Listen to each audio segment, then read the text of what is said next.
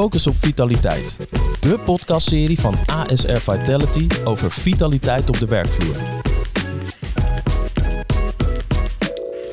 Bij 1 op de 4 mensen die langdurig thuis zit, is de oorzaak spanning, overspanning of een burn-out. De meeste organisaties komen pas in actie als het kwaad al geschied is. Stressinterventie in plaats van stresspreventie. En dat kan anders. Maar hoe pak je dat aan als werkgever? Ik, Katelijn, praat vandaag met huisarts Loods over het voorkomen en terugdringen van stress. Ze is ook oprichter van Leading Doctors. En met die stichting zet ze zich in om het welzijn in de zorg te vergroten. Om maar meteen gewoon van start te gaan. Als een werkgever het stressniveau uh, wil aanpakken van een, ja, van een medewerker. Wat zou dan eigenlijk de eerste vraag van een werkgever moeten zijn hierbij? Ja, ik denk dat het voor um, werkgevers van belang is dat er een aantal basisvoorwaarden in de gaten gehouden moeten worden. En over het algemeen hebben we daar in Nederland is dat best wel goed geregeld. Roostering moet goed zijn, er moet adequate bezetting zijn, er moet een goede financiële beloning zijn. Dat soort dingen die zijn denk ik op de meeste plekken redelijk goed geregeld. Alhoewel er natuurlijk branches zijn waar mijn zorgbranche er één van is, waar het heel normaal is om structureel over te werken. Als dat zo is, dan is het belangrijk om daar een gesprek over te hebben. En wat werkgevers kunnen doen, is vooral het gesprek aangaan met hun werknemers en echt een vraag stellen. Hoe gaat het eigenlijk met je? Hoe zit je in je vel? Wat vind je belangrijk? En ook de vraag stellen, hoe werk je prettig? Dus wat werkt voor jou? En ik denk dat die vraag niet altijd de aandacht krijgt die die eigenlijk uh, verdient. Gebeurt dat vaak te laat, dat ze dan zo'n vraag gaan stellen eigenlijk? Dat denk ik wel. Ik denk dat veel mensen uh, ook graag goed willen functioneren. Uh, niet zo snel aan de bel trekken. We zijn in Nederland zijn we wel redelijk van schouders eronder zetten en huppakee eh, doorwerken en niet zeuren. Tenzij die vraag actief gesteld wordt, zit je eigenlijk lekker in je vel? Hoe werk jij prettig? Um, zullen mensen daar niet in eerste instantie zelf mee komen? Maar is het als je dan inderdaad er naar kijkt van um, stressniveau, ja, stresspreventie. Zijn er dan bijvoorbeeld bepaalde vraagstukken die je ook dan vaker ziet terugkomen in bedrijven? Of inderdaad mensen die jij voor je ziet, voor je krijgt? Ja, ik zie eigenlijk, uh, ja, je zei al, ik ben huisarts en ik heb leading dokters opgericht. Dus mm -hmm. ik heb ook echt die twee blikken. Als huisarts zie ik vaak dat mensen heel erg lang vroege signalen eigenlijk negeren. En maar doorgaan. En nog een keertje doorgaan. En niet veilig genoeg voelen of niet open genoeg zijn om uh, in een eerder stadium aan te geven dat het eigenlijk niet meer gaat. Dus dat zie ik als huisarts veel gebeuren. Vanuit Leading Doctors hebben we heel veel nagedacht over hoe kun je nou het welzijn van zorgprofessionals stimuleren. En uh, daarvoor gebruiken we altijd een model dat eigenlijk oorspronkelijk ging over drie domeinen. En waar een vierde domein aan toe is gevoegd. En dat is specifiek voor de zorg uh, ontwikkeld. Het uh, komt uit een uh, artikel uit 2017, uit een blad, subblad van de New England Journal of Medicine. De Catalyst heet dat. En het gaat eigenlijk over innovatie in de zorg. En daar hebben de bazen van de Mayo Clinic, Stanford en Yale, grote instituten in Amerika, die hebben nagedacht over hoe houden we onze werknemers gezond. En die hebben drie domeinen benoemd die daarvoor van belang zijn. En die met elkaar te maken hebben. Het eerste domein gaat over persoonlijke veerkracht. Over hoe zit de werknemer zelf in zijn vel. Um, is er voldoende tijd voor herstel en rust? En uh, kunnen de talenten van die werknemer tot uiting komen? Werk je op een prettige manier? Het gaat over persoonlijke veerkracht, dat is het eerste domein. Het tweede domein gaat over de cultuur van samenwerken. Hoe doe je het met elkaar? Als zorgprofessional werk je altijd in teams samen. En hoe is de sfeer eigenlijk in die teams? Wordt er gebruik van elkaar gemaakt of werk je eigenlijk soms juist eerder tegen elkaar? En het derde domein gaat over de uh, efficiency of practice. Hoe effectief of hoe efficiënt je organisatie is ingedeeld. Dus is de roostering goed? Um, is er vertrouwen in de managers? Dat is een heel belangrijk uh, onderdeel daarvan worden hulpbronnen effectief ingezet. Dus wordt bijvoorbeeld digitale hulpbronnen effectief ingezet. Dat zijn allemaal hele belangrijke componenten daaraan. Dus die drie domeinen zijn uh, in dat artikel beschreven. En die hebben met elkaar te maken in de zin van als je, je kan nog zulke bevlogen mensen hebben, zo'n goed teamgevoel.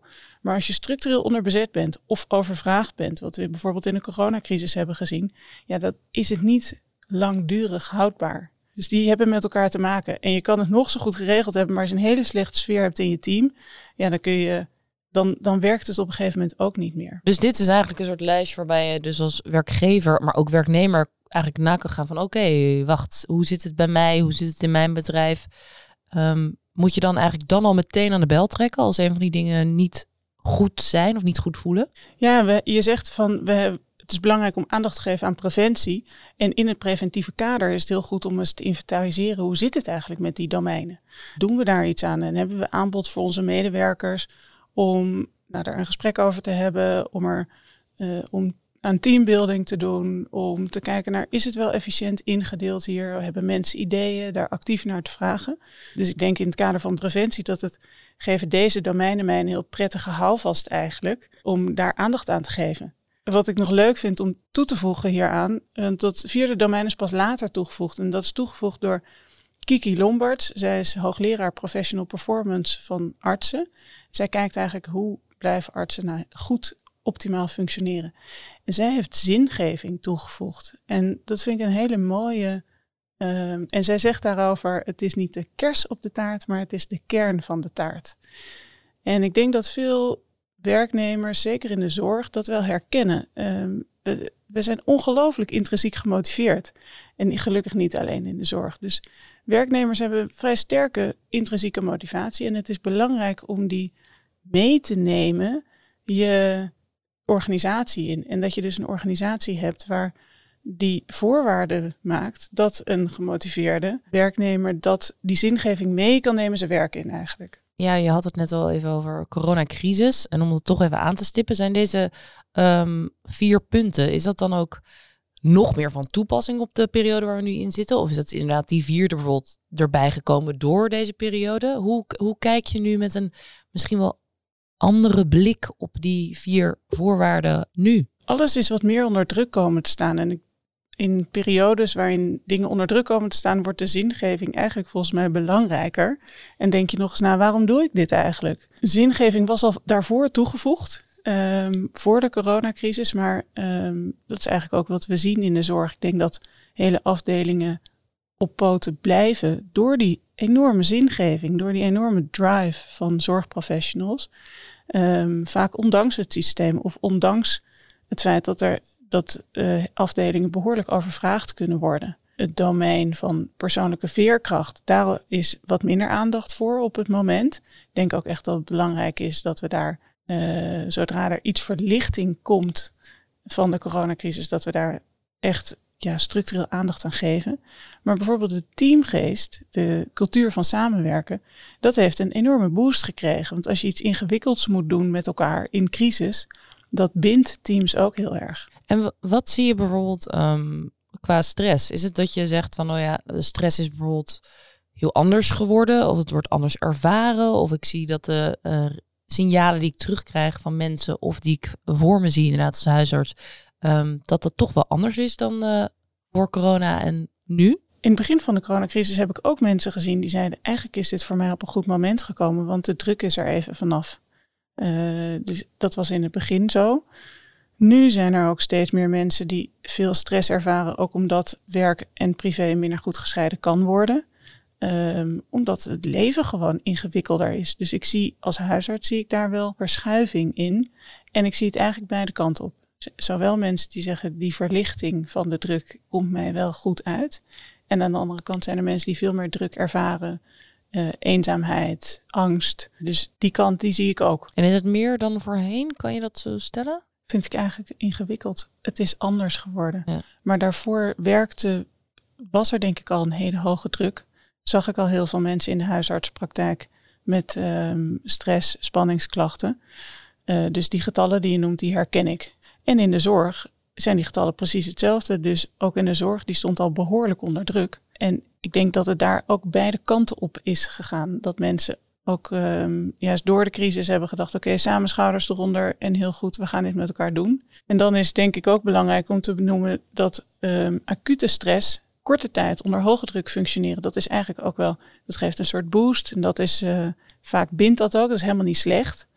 Um, maar als dat langdurig wordt, en als, er, als de druk niet meer van de ketel kan, ja, dan krijg je op een gegeven moment een probleem. En het duurt nu een jaar. We zitten er nu een jaar in. En uh, ik denk dat dat steeds reëler wordt. Van hoe lang kunnen we eigenlijk die druk aan? En ja, dat het belangrijk is om daar naar te kijken. Kunnen we de druk af en toe een beetje van de ketel halen? Tot op heden laten de omstandigheden dat gewoon niet toe. Maar dat is dus extra belangrijk om er wel ja, over te kijken van hoe, hoe kunnen we dat dan toch in kleine dingen blijven doen. Ondanks dat de omstandigheden nu zo zijn dat sommige afdelingen gewoon heel erg druk zijn. Ja, want laten we even kijken. Wat zijn bijvoorbeeld echt signalen waarvan je kan zeggen, nou, dat, dat is echt, die persoon die zit echt tegen het randje aan van nou ja, de verschillende misschien uh, ja, gradaties van stress. Van, want je had het net over korte stress, dat dat dus eventueel niet eens zo heel slecht is. Maar um, wat zijn bijvoorbeeld kenmerken van die, van die stress? Nou, als mensen bij mij komen met echt spanningsklachten, dan zeggen ze allemaal, ik kan het niet meer loslaten. Dus als je je werk niet meer kan loslaten, als je er het mee naar huis neemt. Uh, slaapproblemen, uh, als je een korter lontje krijgt. Als je merkt dat je de dingen die je eigenlijk echt belangrijk vindt, als die eronder gaan lijden. Dus wat mensen vaak doen is om werk voorrang te geven, gaan ze bijvoorbeeld niet meer sporten. Of nemen ze minder tijd voor hun kinderen. Of uh, gaan ze niet meer een wandeling met een vriendinnetje maken.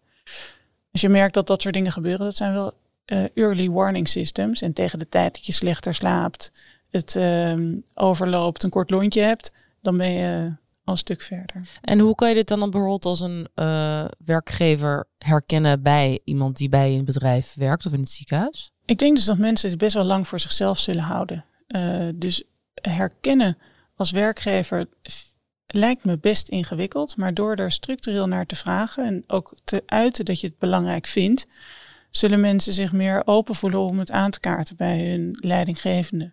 Het is vaak zo dat peers onderling het eerder al signaleren of eigenlijk al best wel ja, god, dat herken je misschien ook wel. Een collega die niet zo lekker geslapen heeft, zeg je halverwege de dag gaat het eigenlijk met je. Zal ik een kopje koffie voor je halen? Dus er zijn al wel signalen. En um, als er in teams voldoende veiligheid is om dat ook te kunnen signaleren en te bespreken met elkaar, dan heb je als je dat creëert als werkgever, dan komt daaruit eigenlijk de beste informatie, denk ik. Is het ook zo dat je misschien kan zeggen of stellen dat uh, stress soms wel een beetje wordt gezien als een taboe? Dat mensen het ook niet durven uh, toe te geven aan zichzelf of aan de ander? Ja, ik denk dat het uh, toffer is in onze maatschappij om alles maar aan te kunnen. Dan om te zeggen, goh, ik ben best wel moe. Of dit heeft me geraakt. Of ik vind het ingewikkeld. Uh, ik heb ook het idee dat het een beetje uit de taboe-sfeer begint te komen, of eigenlijk al wel voor een deel is. Alhoewel ik laatst ook nog iemand hoorde die zei stress en burn-out, dat is een generatieprobleem. Nou, dat um, ben ik niet daarmee eens. En uh, een van de problemen is ook dat als er stress of burn-out is of spanningsklachten, dat het lijkt alsof het de schuld is van een individu, alsof je het niet aan kan. Terwijl we echt uit onderzoek weten dat dat niet het geval is. Dus stress en burn-out is een samenspel tussen systeem en, het en de persoon. Het is echt een samenspel, maar een belangrijk deel van de oorzaak en ook de oplossing ligt in het systeem. En vanuit werkgevers is het misschien makkelijker om te kijken naar de werknemer die je moet veranderen of veel veranderen of verkrachtiger wil maken.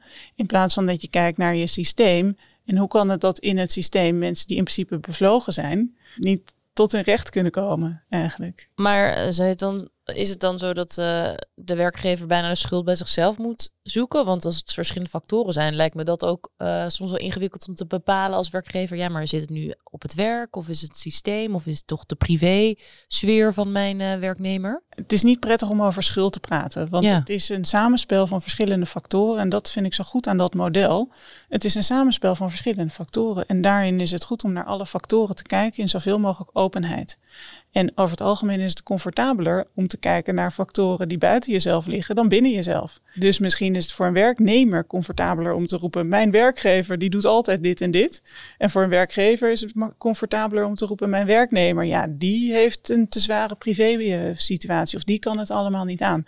En allemaal is denk ik een deel van de waarheid. Door met elkaar open te kijken naar wat ligt er nu eigenlijk en wat kan ik doen om in deze situatie het een beetje te verbeteren. Heb je veel opener gesprek en constructiever eh, gesprek. En um, we hadden het net al even kort over uh, korte spanning, dat dat uh, soms niet zo erg kan zijn. En uh, je noemde al burn-out um, en overspannen. Wat is eigenlijk nou het verschil tussen die verschillende termen? Die lijnen die zijn niet zo hard als de verschillende termen doen vermoeden. Vaak zitten er een soort grijze overgangsgebieden tussen. Je voelt het precies. Dus je weet precies van jezelf een week of misschien wel ietsje langer. Heel hard werken met een deadline is oké.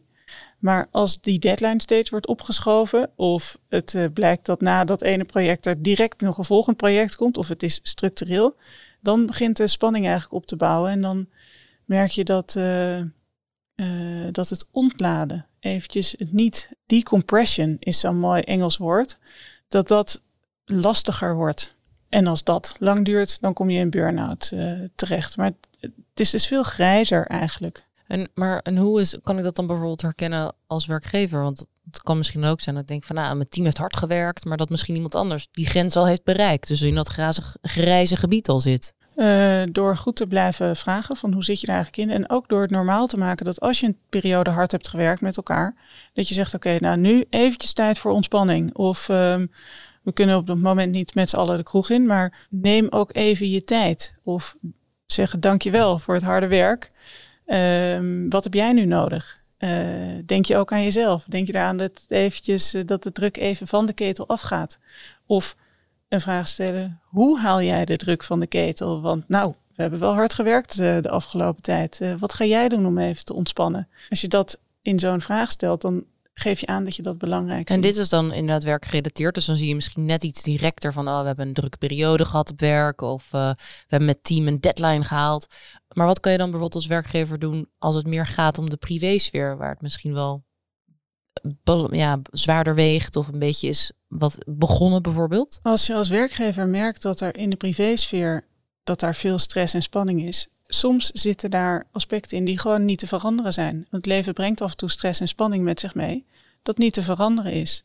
De meeste mensen, als je ze er echt naar vraagt en als je er ruimte voor maakt, die weten best wel goed wat ze nodig hebben om even wat druk van de ketel te halen. Dus door echt die vraag te stellen, uh, kun je ook als uh, werkgever eigenlijk ruimte maken voor werknemers die het thuis moeilijk hebben, om, uh, om wat meer druk van de ketel te kunnen halen. Ik denk dat het nog een keer goed is daarin om te benoemen uh, de rol en het belang van het team.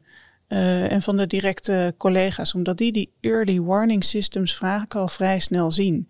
En bij wijze van spreken bij een kopje koffie al horen van hoe het gaat, of het minder goed gaat, of juist beter gaat. Maar ook al bij een kopje koffie kunnen zeggen, maar wat, waar zou je nou eigenlijk zelf, eh, wat zou jou nou helpen? Gewoon nu even, vandaag en morgen. Of uh, deze week. Als je dat als werkgever ja, laat bestaan en daar uh, oog voor hebt, dan gebruik je wat er op de werkvloer al speelt eigenlijk, wat gewoon heel natuurlijk al gebeurt.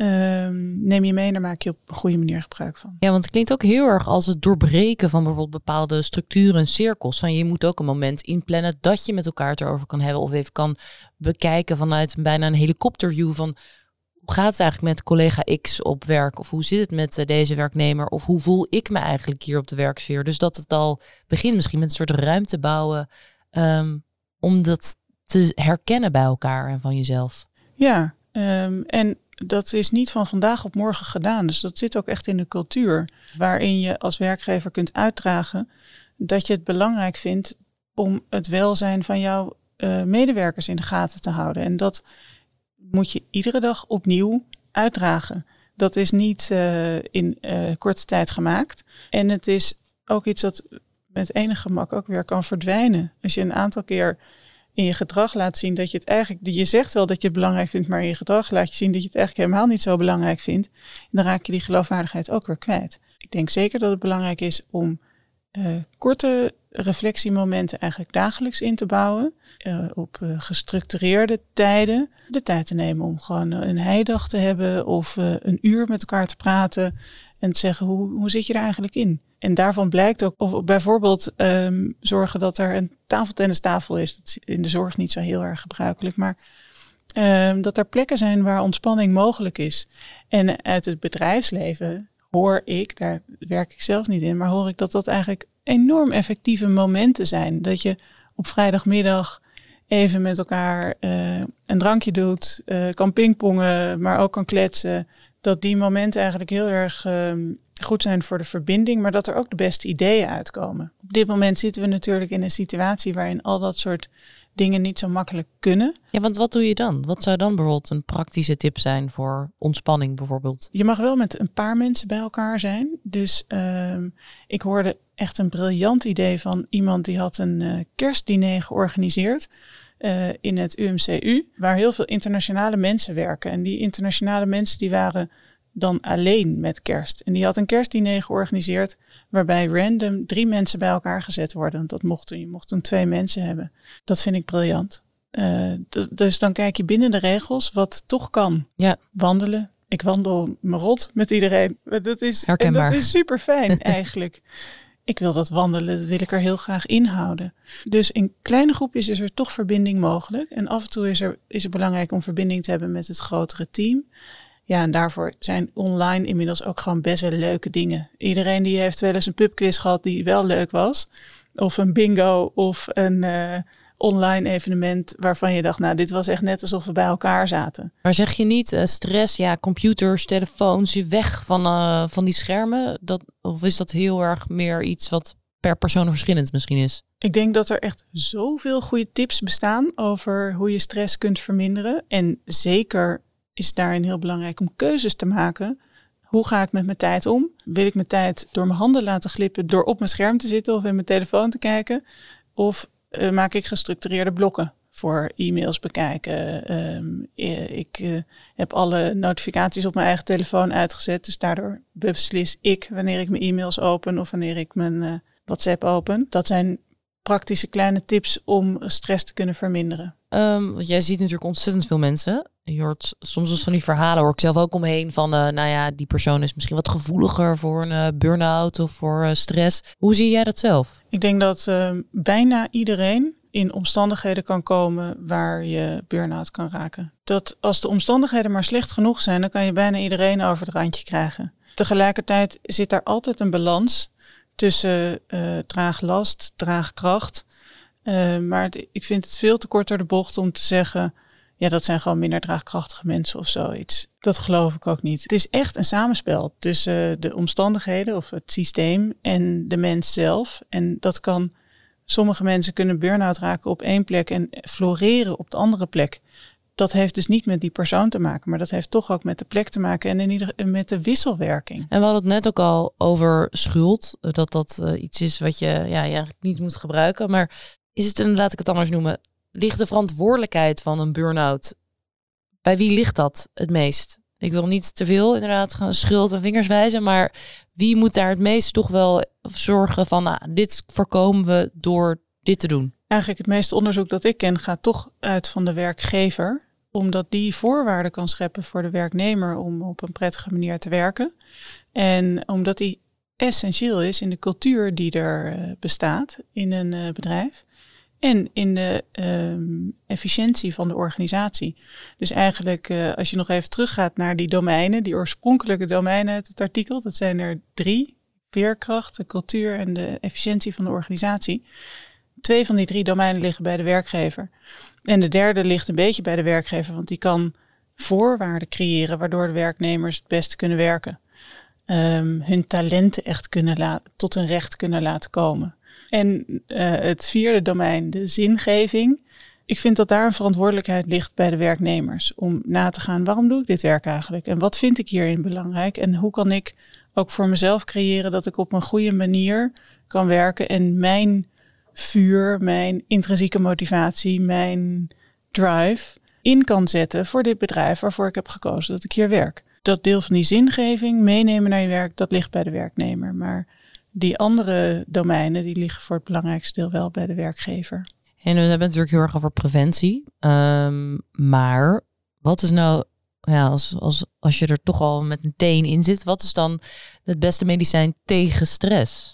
Ik denk dat het heel belangrijk is om juist dan terug te schakelen of de ontspanning op te zoeken. Of ik heb het graag over uitademen. We zijn heel goed in inademen, maar om echt uit te ademen en even stil te zijn. Mijn uh, heel goed vriendinnetje die heeft het over mijmertijd inbouwen. Even niks tijd. Dat zijn we bijna vergeten, volgens mij. Ik zelf merk als ik, uh, ik heb uh, drie jonge kinderen en nou, ik werk hard. Als ik thuis kom en ik vind het moeilijk om terug te schakelen, ik noem dat mijn zesde versnelling. Dan zit ik in mijn modus van heel hard werken en ik vind het moeilijk om terug te schakelen. Ik merk dat meteen aan mijn kinderen, want ik vind dan dat mijn kinderen vervelend worden, maar ze zijn niet vervelend, maar ik zit gewoon nog in een andere modus. Dan is het extra belangrijk om, om even bewuster nog stil te gaan staan. En dat is niet makkelijk. Maar als je daar al met één teen in zit, dan is het nog belangrijker om uh, mijmertijd te maken, stil te staan, ontspannen. En of je dat doet door een stukje te gaan wandelen of hardlopen of je gaat Netflix kijken, dat maakt eigenlijk niet zoveel uit. Als het maar iets is waardoor jij even kan uitschakelen. Dat klinkt dan toch weer als eh, Netflix kijken, als uh, naar, weet je, dat je toch iets activeert weer. En uh, de andere is natuurlijk beweging. Ja. Is dat helemaal stilstaan? Eigenlijk Netflix kijken is denk ik de minst, het minst goede voorbeeld. Want dat is toch een scherm en echt ontspannend is Netflix kijken niet altijd. Maar er zijn mensen die dat de prettigste manier vinden van ontspannen. Het gaat er meer om dat het niet zoveel uitmaakt op wat voor manier je de ontspanning vindt. Wat mij betreft als je maar voor jou ontspanning vindt. En daarin blijkt wel uit onderzoek dat beweging super belangrijk is. Dus een gezonde leefstijl uh, waar meer componenten aan zitten. Dus goede voeding, beweging, met uh, sociale verbinding met mensen zijn die dierbaar zijn. Dat zijn uh, bewezen stressreducerende interventies. Die, dat deel van die gezonde leefstijl, daar wil ik ook heel graag over verder praten. Maar daar hebben we een hele nieuwe podcast voor nodig. Nou, ik wilde wel nog even aan je vragen van um, hoe je bijvoorbeeld uh, je, had het, je had het over bewegen, maar hoe je dit bijvoorbeeld kan stimuleren als werkgever. Over bewegen um, en stressreductie is iets belangrijks te zeggen. Want veel mensen die denken dan, dan moet ik gaan sporten. Maar als je echt met al, zoals jij zegt, met een halve teen in een overspannen situatie zit, dan is hard sporten eigenlijk helemaal niet zo prettig. Het is veel prettiger om laag intensief te sporten. Bijvoorbeeld te wandelen of heel rustig te joggen of zoiets. Maar ga dan niet volle bak in de sportschool weer je lichaam helemaal onder stress zetten. Want dat is opnieuw heel um, ja, stressverhogend. Dus het is veel uh, uh, functioneler om een wandelingetje te maken. Of uh, rustig te joggen of te fietsen of te zwemmen. Dus zachte, uh, meer ontspannende beweging. En als werkgever zijn hier heel veel verschillende manieren waarop je dat kunt stimuleren. Dus je kunt een cultuur stimuleren waarin het normaal is dat je rondom de lunch even buiten een wandelingetje maakt. Mm -hmm. uh, je kan competities doen met stappen tellen.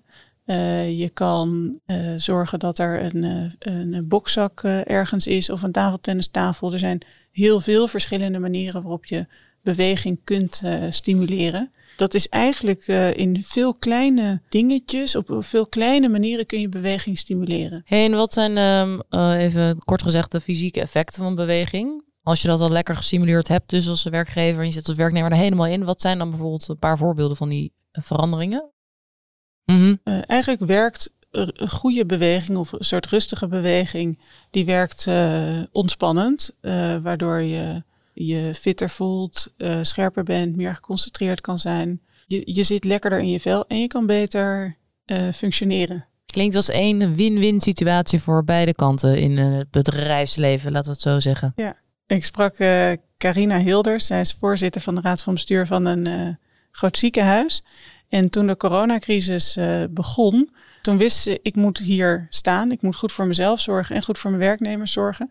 En zij heeft iedere lunchpauze zij gaan hardlopen. Dat, heeft ze, ze, dat had ze altijd geblokt om te kunnen zorgen dat zij in ieder geval eventjes haar hoofd leeg kon maken. Even naar buiten. Zodat ze daarna weer veel frisser kon uh, doorwerken. En er echt kon zijn voor haar medewerkers. En dat vind ik een waanzinnig voorbeeld van hoe je dat als uh, leidinggevende kunt uitdragen. Het belang van even bewegen. Ja, wat super. Nou, ik denk dat uh, genoeg goede tips hierin zitten in, deze, in dit mooie gesprek. Ja, Claire Lood, super bedankt. Ik uh, denk dat, nou, ik wil net zeggen, een klein wandelingetje achteraf, dat kan zeker geen kwaad. Dankjewel. Heel graag gedaan. Zo, dat was hem weer voor vandaag. Leuk dat je luisterde en hopelijk heb je weer nieuwe inzichten gekregen over vitaliteit. In de volgende aflevering ga ik in gesprek met oud-topsporter Gregory Sedok. En als er iemand is die alles weet over de kracht van motivatie, dan is hij het wel. Tot dan!